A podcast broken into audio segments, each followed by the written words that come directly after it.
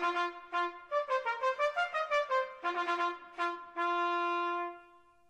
EduFriend, pertanggal 3 sampai 20 Juli sedang diberlakukan PPKM Mikro nih. Yuk kita sama-sama stay home dulu. Jangan lupa buat berjemur dan jaga kesehatan ya. Pesan layanan ini dipersembahkan oleh RAFM Radionya Anak UNJ.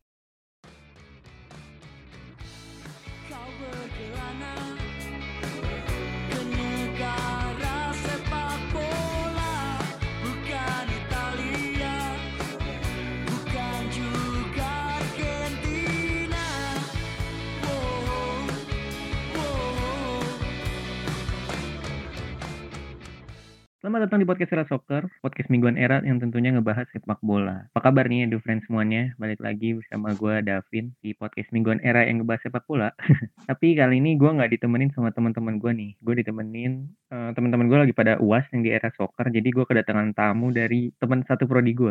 Eh, selamat datang Nopal. Apa kabar Pal? Halo, alhamdulillah baik kabarnya. Alhamdulillah.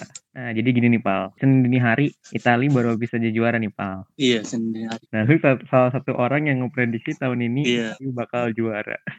nah pendapat lu gimana Pal? Iya nih. Apakah Itali layak gitu? Ya menurut gua, menurut menurut- menurut gua Italia layak sih untuk juara tahun ini. Ya kenapa? Karena jujur gua ngeprediksi itu kan di putaran pertama ya, putaran pertama babak grup gitu. Gue ngelihat dari semua semua negara gitu yang paling bukan paling cantik ya mainnya istilahnya mungkin lebih ke paling kelihatan lah, kelihatan gitu kalau bisa jadi juara gitu. Ya Italia menurut gua. Makanya gua memprediksi Italia juara. Hmm, jadi lu memprediksi itu berdasarkan apa ya istilahnya tuh pembagian grupnya sama fase-fasenya gitu Val ya sampai nyampe ke final ya. Bukan. Jadi gua ngeprediksi itu gua kan ngelihat pertandingan Italia yang pertama tuh, yang lawan siapa tuh yang menang 3-0. Oh iya lawan juga ngelihat pertandingan yang lainnya. Jadi kan putaran heeh. pertama itu kan selesai tuh. Nah, dari situ kan berarti udah semua semua negara udah main tuh. Nah, gua lihat kayaknya Italia ini prospeknya sangat bagus nih buat jadi juara buat tahun ini dibanding Oh. tim lain tim lain. Oke oke oke. Ya sih kalau misalnya kita ngeliat gaya main Italia, dia kalau lawan tim kecil tuh eh, bisa agresif nyerang tapi nggak kalau lawan Spanyol pun mereka nggak malu untuk main rapih biasa aja Pal ya. Iya, sebenarnya ini Italia tuh sebenarnya gimana ya? Tahun ini tuh bisa dibilang gua ngerasa kayak ngelihat suatu apa ya? kese- bukan kesempurnaan sih, kayak suatu pakem yang bagus banget dalam sepak bola. Sepak bola Italia model mod- model modern tuh yang yang gila, keren banget gitu. Nah kalau tadi gue udah ngebahas Italia ini gue ngasih fakta-fakta sedikit tuh Pal ya. Italia itu jadi tim pertama nih Edu Friend yang berhasil menang adu kali eh adu penalti dua kali berturut-turut dalam satu turnamen. Jadi biasanya belum ada tuh Pal kalau kayak habis semifinal terus final adu penalti biasanya nggak ada yang menang tuh adu penaltinya. Italia jadi tim pertama. Dan babak penalti Italia Inggris Oke. kemarin tuh juga ninggalin banyak cerita ternyata kayak Celini ya kita ingat pas lawan Spanyol dia tuh kan meluk Alba ya nah kalau yang di final di final ini dia malah kelihatan lebih slow tenang gitu diem dan cenderung gak cengat cengir lah kayak pas ke Alba gitu Mungkin agak tegang kali. Bu- iya agak tegang soalnya final ya kalau kalau semifinal kan Mungkin- dia lebih tenang Iya, soalnya final gitu. Jadi agak tegang. nah fakta kedua tuh ada Gareth Southgate yang masukin dua pemain cuma buat gagal penalti gue gak ngerti ya maksudnya kayak secara sebenarnya kalau penalti itu kan bicara mental ya gue juga nggak ngerti kenapa Jordan Henderson dikeluarin gitu. Padahal itu udah menit-menit akhir. Padahal Jordan Henderson itu salah satu menurut gue uh, walaupun dia secara permainan gak berdampak signifikan di Inggris ya pada pertandingan itu tapi dia salah satu yang bisa diandalkan gitu di penalti menurut gue ya. Terus juga kenapa Sterling gitu yang notabene udah lebih senior gitu tidak nggak berani ngambil tendangan penalti. Jadi kayak hal-hal yang banyak lah yang bisa dipertanyakan gitu ketika lebih memilih Sako dan dan siapa tuh satunya lagi yang Rashford sama Saka dua tuh yang muda ya Saka dan Sako gitu ya. Kalau Rashford mungkin udah terbiasa lah ya di MU ngambil penalti. Tapi kan kalau Saka sama Sancho ini kan kayak masih muda banget 19 tahun bayangin. Udah ngambil beban di pundaknya beban negara gitu. Bahkan penalti kelima ya. Jujur gue pertama kali nonton tuh iya heran bahkan Pal. penalti kelima bukan ketiga gitu sekelas final Eropa gitu Iya jujur gue heran soalnya apa ya dia tuh belum dapat ritme permainan ya kalau kata orang-orang kan dia dimasukin cuma buat adu penalti doang gitu belum dia belum panas sama sekali tiba-tiba mungkin- harus tendang Kalau kiper mungkin agak lebih mendingan gitu ya. Ini kan posisinya pemain gitu. Belanda juga pernah gitu. Pas Piala Dunia dia mengganti kipernya gitu di menit-menit terakhir. Tapi efektif gitu. Belanda menang pada saat itu.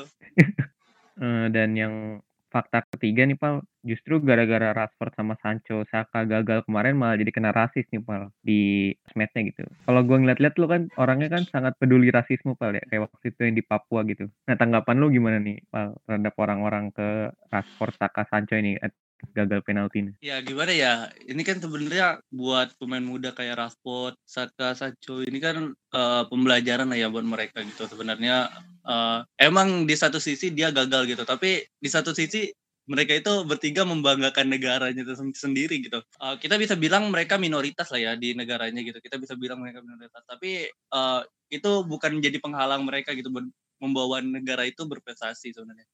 Eh, mungkin masyarakat Inggris eh, masih sedikit kecewa nih Vin menurut gua kayak perasaan kecewa itu wajar lah ya apalagi mereka udah lama banget nih nggak nggak menyentuh final gitu terus akhirnya mereka bermain di final lagi terus di depan pendukung mereka tapi harus menelan kekecewaan gitu.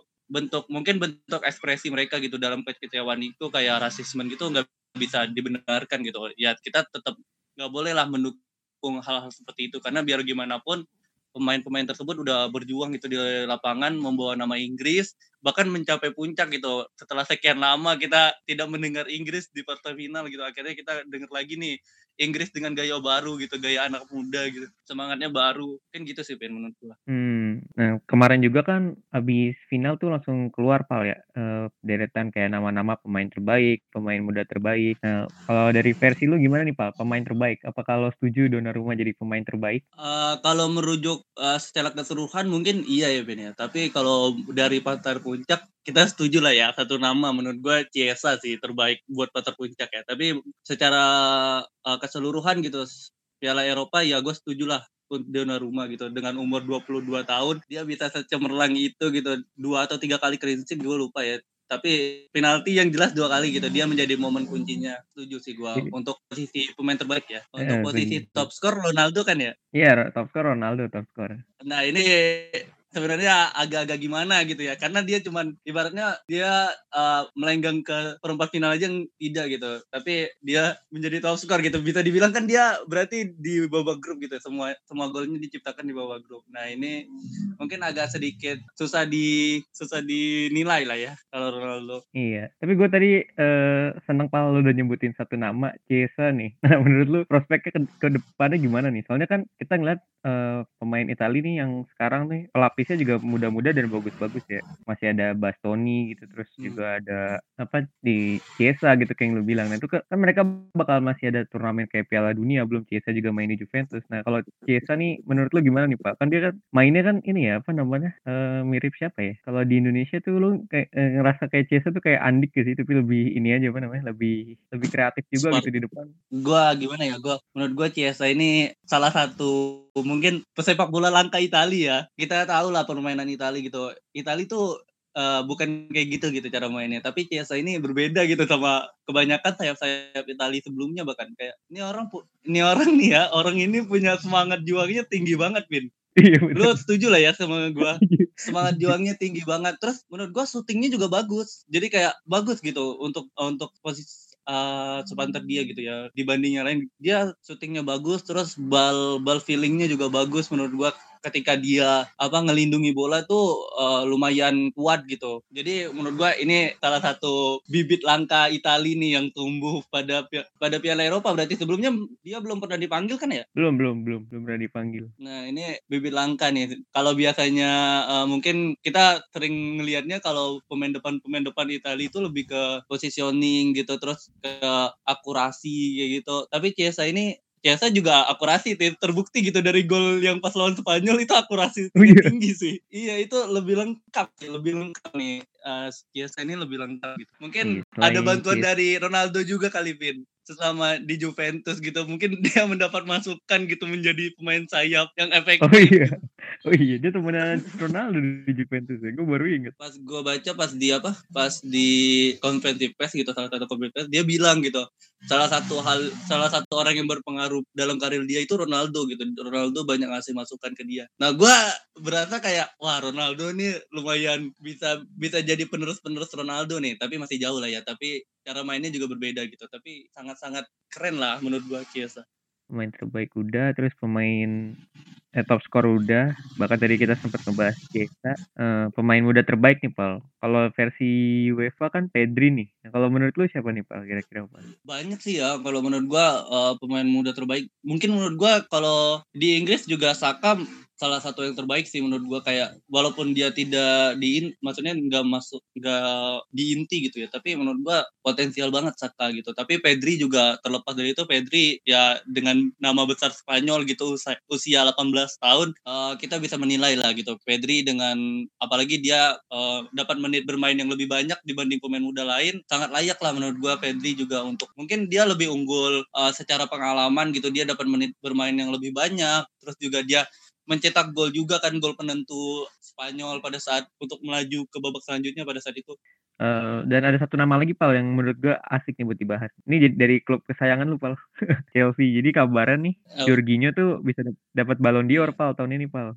Karena dia menang Liga Champions, terus juga menang eh, Euro sama Italia. Kalau yang kita lihat dulu-dulu ya, kan yang dapat Ballon d'Or tuh kan pasti selalu nama-nama yang berhasil ngebawanya ke eh, juara Liga Champions gitu kayak Ronaldo gitu terus Luka Modric juga walaupun di Piala Dunia gagal gitu tapi dia bisa ngebawa negara sampai final gitu. Nah menurut lo kansnya Jorginho nih gede nggak Pal di Ballon d'Or ini? Oh, menurut gua lumayan gede lah ya apalagi kita dia bisa mengawinkan gelar Liga Champions sama Piala Eropa gitu. Ada lah kans dia tapi kita nggak bisa mengungkiri juga nih kalau ngomong Ballon d'Or kita nggak bisa mengungkiri Messi di dunia Amerika yang on fire banget. Dia men- menyabet semua semua gelar individu dan gelar juara di sana. Berasa jago sendiri dia di benua Amerika kan. Tapi ya kalau dilihat secara keseluruhan gitu secara klub level klub dan level internasional gitu negara ya layak lah sangat layak lah Jorginho. Menurut lo permainan Jorginho ini gimana Vin? Menurut lo gue sangat tertarik sih dengan Jorginho ini. Menurut gue kayak ini gelandang eh, mungkin kalau di Itali dulu kita kenalnya Gattuso kali ya Gattuso. Tapi Gattuso versi kalem ya nggak sih? Kayak Gattuso tapi kalem dia. Ah, iya iya, gue setuju Pal. Jadi kemarin tuh gue baca di berita ya konferensi pers, Conte tuh ngomong Pal katanya Jorginho tuh semenjak pindah ke Inggris fisiknya katanya jadi kuat gitu. Jadi dia nggak kayak dulu pas Hmm. di Napoli tuh. Jadi katanya kalau di Napoli kan dia agak ringkih ya, di tackle dikit jatuh gitu. Terus di Chelsea eh, abis Sari ganti ke Lampard, katanya Lampard juga sering nyadangin Jorginho karena dia agak ringkih lah. Tapi sekarang sama Tuchel kan dia dimasukin lagi tuh ke pemain inti Chelsea. Jadi apa namanya dia udah belajar banyak lah tentang apa fisik gitu ya dan dia ditunjukin kemarin sih pas di Euro tuh menurut gua keren banget sih. Masalah dia juga bisa ngoper ke depan gitu. Dia bisa ngebawa bola ke depan walaupun walaupun ini walaupun agak gerusak-gerusuk gitu mainnya ya. Iya, ada satu momen Vin, satu momen di final Euro kemarin yang menurut gue kayak bikin gue yakin bikin seluruh pendukung Italia tegang sih. Pas waktu Jorginho itu sakit kakinya, ada kan ya yang pas sakit kakinya terus ditandu ke pinggir lapangan, yang pemain cadangannya udah persiapan tuh, udah persiapan mau ganti itu gue udah kayak aduh ini kalau Jorginho diganti lagi nyerang-nyerangnya Italia kayaknya bakal bakal kacau deh. Itu gua gua udah mikir mikir ke mana-mana tuh kayak aduh ini kalau Jorginho diganti, lagi seru-serunya nih kayak bakal menurunkan ritme Itali. Eh ternyata dia masih sanggup gitu bermain. Kalau ngomong fisik kan berarti terbukti gitu fisik dia eh, nggak kalah gitu. Heeh, heeh. Tapi Jorginho tuh beneran itu ya Pak ya pas lo nyebut Jorginho kayak Gattuso tuh gue jadi inget pas dia ini apa kemarin tuh dia sempat nginjek kakinya Grilis ya di babak apa extra time ya iya nggak sih? Iya. Itu nggak merah. Iya Jorginho. gitu. Tapi itu nggak bisa dihindari sih. Maksudnya kayak itu sama-sama ngotot terus tabrakan gitu. Menurut gue itu kayak sama-sama nggak bisa dihindari lah. Itu juga eh, faktor nggak sengaja nggak sih kayak dia nginjek bola terus kayak ke glaser gitu ke jadi kena kakinya. Hmm, hmm. Yang gue bilang kayak Gar- Gattuso versi kalem tuh karena gue ngelihatnya dia eh, dia ngerebut bola tuh ya dia ngerebut bola gitu. Tapi kayak kalau Gattuso Gattuso kan lebih ke biasanya gerasa gerusuk gitu gerasa gerusuk keras gitu lah ya Eh, tuh. tapi kalau Jorginho ini versi kalem gitu versi kalemnya ngerti ngerti ngerti ngerti kayak ah, diam dia maksudnya kalem kalem gitu jadi kayak tiba-tiba kerebut bolanya Hmm, iya iya paham paham. sebenarnya Jorginho. kalau peran dia di peran dia di Chelsea juga kan eh, lebih kurangnya dia lebih bertahan kan dibanding KT sebenarnya kalau dilihat dari posisi jadi kayak dia sebenarnya lebih bertahan dari Kante gitu. Terus juga di di apa Italia ini dia lebih bertahan juga dari Verratti kan? Kayak dia sebenarnya gelandang bertahan versi modern. Lah versi modern mulai Italia mulai nih mulai modernisasi gelandang-gelandangnya juga nih. Jadi tuh ini ya apa namanya gelandang Italia tuh saling melengkapi gitu ya. Kayak Jorginho lebih ke dalam gitu terus Verratti-nya yang naik turun terus Barella tuh lebih yang buat nyerang ya Pal ya? Iya kan ya? Iya iya tadi kan lu udah nyebut nih salah Hmm. satu eh, hal yang bisa bikin Jorginho tuh eh, kans Ballon d'Or berkurang gitu. Lu udah nyebut Messi. Nah, eh, kita masuk ke segmen terakhir nih, Pal. Messi kan akhirnya juara nih, Pal, sama timnas senior setelah gagal di 2014 di Piala Dunia, terus 2015, 2016 Copa America. Nah, menurut lu nih apa nih, Pal, yang bikin akhirnya tuh Messi berhasil gitu dapet tahun ini? Iya, dengan dengan Messi ngeraih gelar apa? Dengan Messi ngeraih gelar Copa America ini, gue bisa bilang ini baru bukti kalau Ronaldo sama Messi itu dalam satu level yang sama, Vin. Karena udah sama-sama membawa negaranya juara, terus sama-sama bawa klubnya jaya gitu. Dengan kita tahu lah ya persaingan mereka gitu di level klub, tapi di level timnas juga mereka nggak kalah nih. Ronaldo bisa bawa juara, Messi bisa bawa juara. Terus Ronaldo top top skor juga, Messi juga top skor gitu. Pemain terbaik malah Messi juga. Menurut gua kenapa Messi tahun ini bisa jadi bisa bawa eh, Argentina juara menurut gua kayak ada rasa nothing tulus sih, Pin. Kayak mungkin kayak sebelum-sebelumnya itu beban itu terlalu tinggi, Pin. Jadi kayak Hmm. semakin tinggi gitu. Mungkin eh, di Copa America ini dia lebih santai kali, Pin. Mungkin lebih santai. Kita juga mungkin dari segi pemainnya eh, pemain Argentina sekarang kan muda-muda banget gitu. Kipernya kita tahu kualitas kipernya gitu. Pas adu penalti lawan Kolombia ya kalau nggak salah.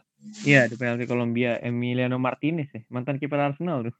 Nah, iya. Eh, kipernya juga lumayan. Terus juga diisi pemain-pemain muda. Jadi semangatnya beda gitu, Pin. Terus kayak timnya juga sangat membantu nih, Pin. Kayak lihat gak sih pas perayaan juara gitu, kayak pas peluit panjang semuanya lari ke Messi gitu. Kayak ini loh yang selama ini mereka tuh kayak ngasih mempersembahkan ini tuh buat Messi gitu. Piala ini. Setelah perjuangan dia selama empat kali final ya gagal. Iya. Nah ini bener banget nih Pal. Jadi yang lo omongin ini eh, ada beritanya juga nih Pal. Ini kalau misalnya tuh katanya Messi tuh sekarang eh, nggak harus rebutan nama lagi Pal. Jadi dulu ada yang bilang kalau 2000 eh Copa America dan Piala Dunia edisi dua apa yang 2018 ya sama Copa America 2016 tuh ada yang bilang Messi tuh takut ketutupan namanya sama Dybala Pal. Bahkan sampai ada berumor, gue gak tahu sih ini bener atau enggak rumornya katanya tuh Dybala sampai dicalangin biar nama Messi tuh nggak turun. Jadi kayak masing-masing punya egonya Hmm. sendiri lah takut takut takut apa ya namanya ya kayak mungkin mungkin tuh alasan Neymar pindah juga kali ya ke PSG ya takut egonya tuh turun. Nah kayak tadi lu udah bilang Iya. nih ada yang bilang Messi sekarang lebih ini lebih santai kan karena pemain-pemainnya tuh justru pemain-pemain muda kan kayak Lautaro terus di ada Rodrigo de Paul juga yang baru masuk Atletico. Ya sih apa namanya kalau misalnya lebih nggak ada beban kan jadi gampang gitu Pal ya buat mainnya ya. Hmm, bayangin aja gue baca Messi itu dari dari 11 gol dari 11 gol Argentina di Copa America dia berkontribusi di 10 golnya. Artinya kan peran dia tuh sangat penting sebenarnya di Argentina itu gitu. Jadi hanya dari semua gol itu cuma satu gol yang Messi nggak nggak berkontribusi gitu. Bisa dibi- bisa dibilang ya nyawanya bukan nyawanya lagi gitu. Messi itu ya la- sangat layak lah gitu dia memborong semua gelar individu di Copa America terus juga sangat layak gitu eh, di, dikasih persembahan ini gitu oleh teman-temannya. Tanpa mengurangi rasa eh, rasa hormat kita gitu terhadap perjuangan pemain Argentina lain lah ya. Tapi bisa dibilang Messi ya kita kasih apresiasi lebih ya nggak sih? Tapi ada satu nama nih Pal yang apa namanya kontribusinya nggak kalah juga di Copa America terus ada di Maria Pal. Lu ngeliatnya gimana nih Pal di Maria Pal? Kan dia kan Iya. pemain paling beruntung ya menurut gue ya. Dia main sama Mbappe, main sama Ronaldo, main sama Messi, main sama Neymar, dua ada juara Liga Champions juga. menurut lu gimana tuh Pal? Kalau di Maria Pal kan dia kayaknya Iya, di ini Maria. Spesial banget ya. spesial. Ini di Maria ini menurut gua eh, gimana ya? Eh, dia benar sih kata Lupin. Dia agak ber- beruntung banget malah ya. Dia dia bisa main dengan pemain-pemain terbaik dunia gitu. Tapi secara nggak sadar eh secara nggak langsung lu sadar nggak sih eh, di Maria ini kayak dia tuh selalu ada di bayang-bayang pemain-pemain baik terbaik gitu. Kayak misalnya di Argentina dia dibayang-bayang bayangin Messi gitu. Dia selalu dia jadi ibaratnya kayak asisnya Messi gitu. Dia support Messi gitu. Kalau di uh, Madrid dulu kita tahu lah dia sama Ronaldo koneksinya gimana gitu. Di PSG ini walaupun dia mungkin kurang lah ya bermain karena PSG kan banyak pemain bintangnya gitu. Mungkin ganti-gantian. Tapi dia juga ibaratnya kayak uh, dia ada di bayang-bayang Neymar sama Mbappe gitu. Jadi kayak menurut gua di Maria ini spesialis support untuk pemain-pemain bintang nih Ben menurut gue jadi kayak pemain bintang itu ketika ada di Maria itu kayak supportnya semakin baik nih menurut gue. Mungkin di MU aja dia kurang bersinar kali ya Ben ya.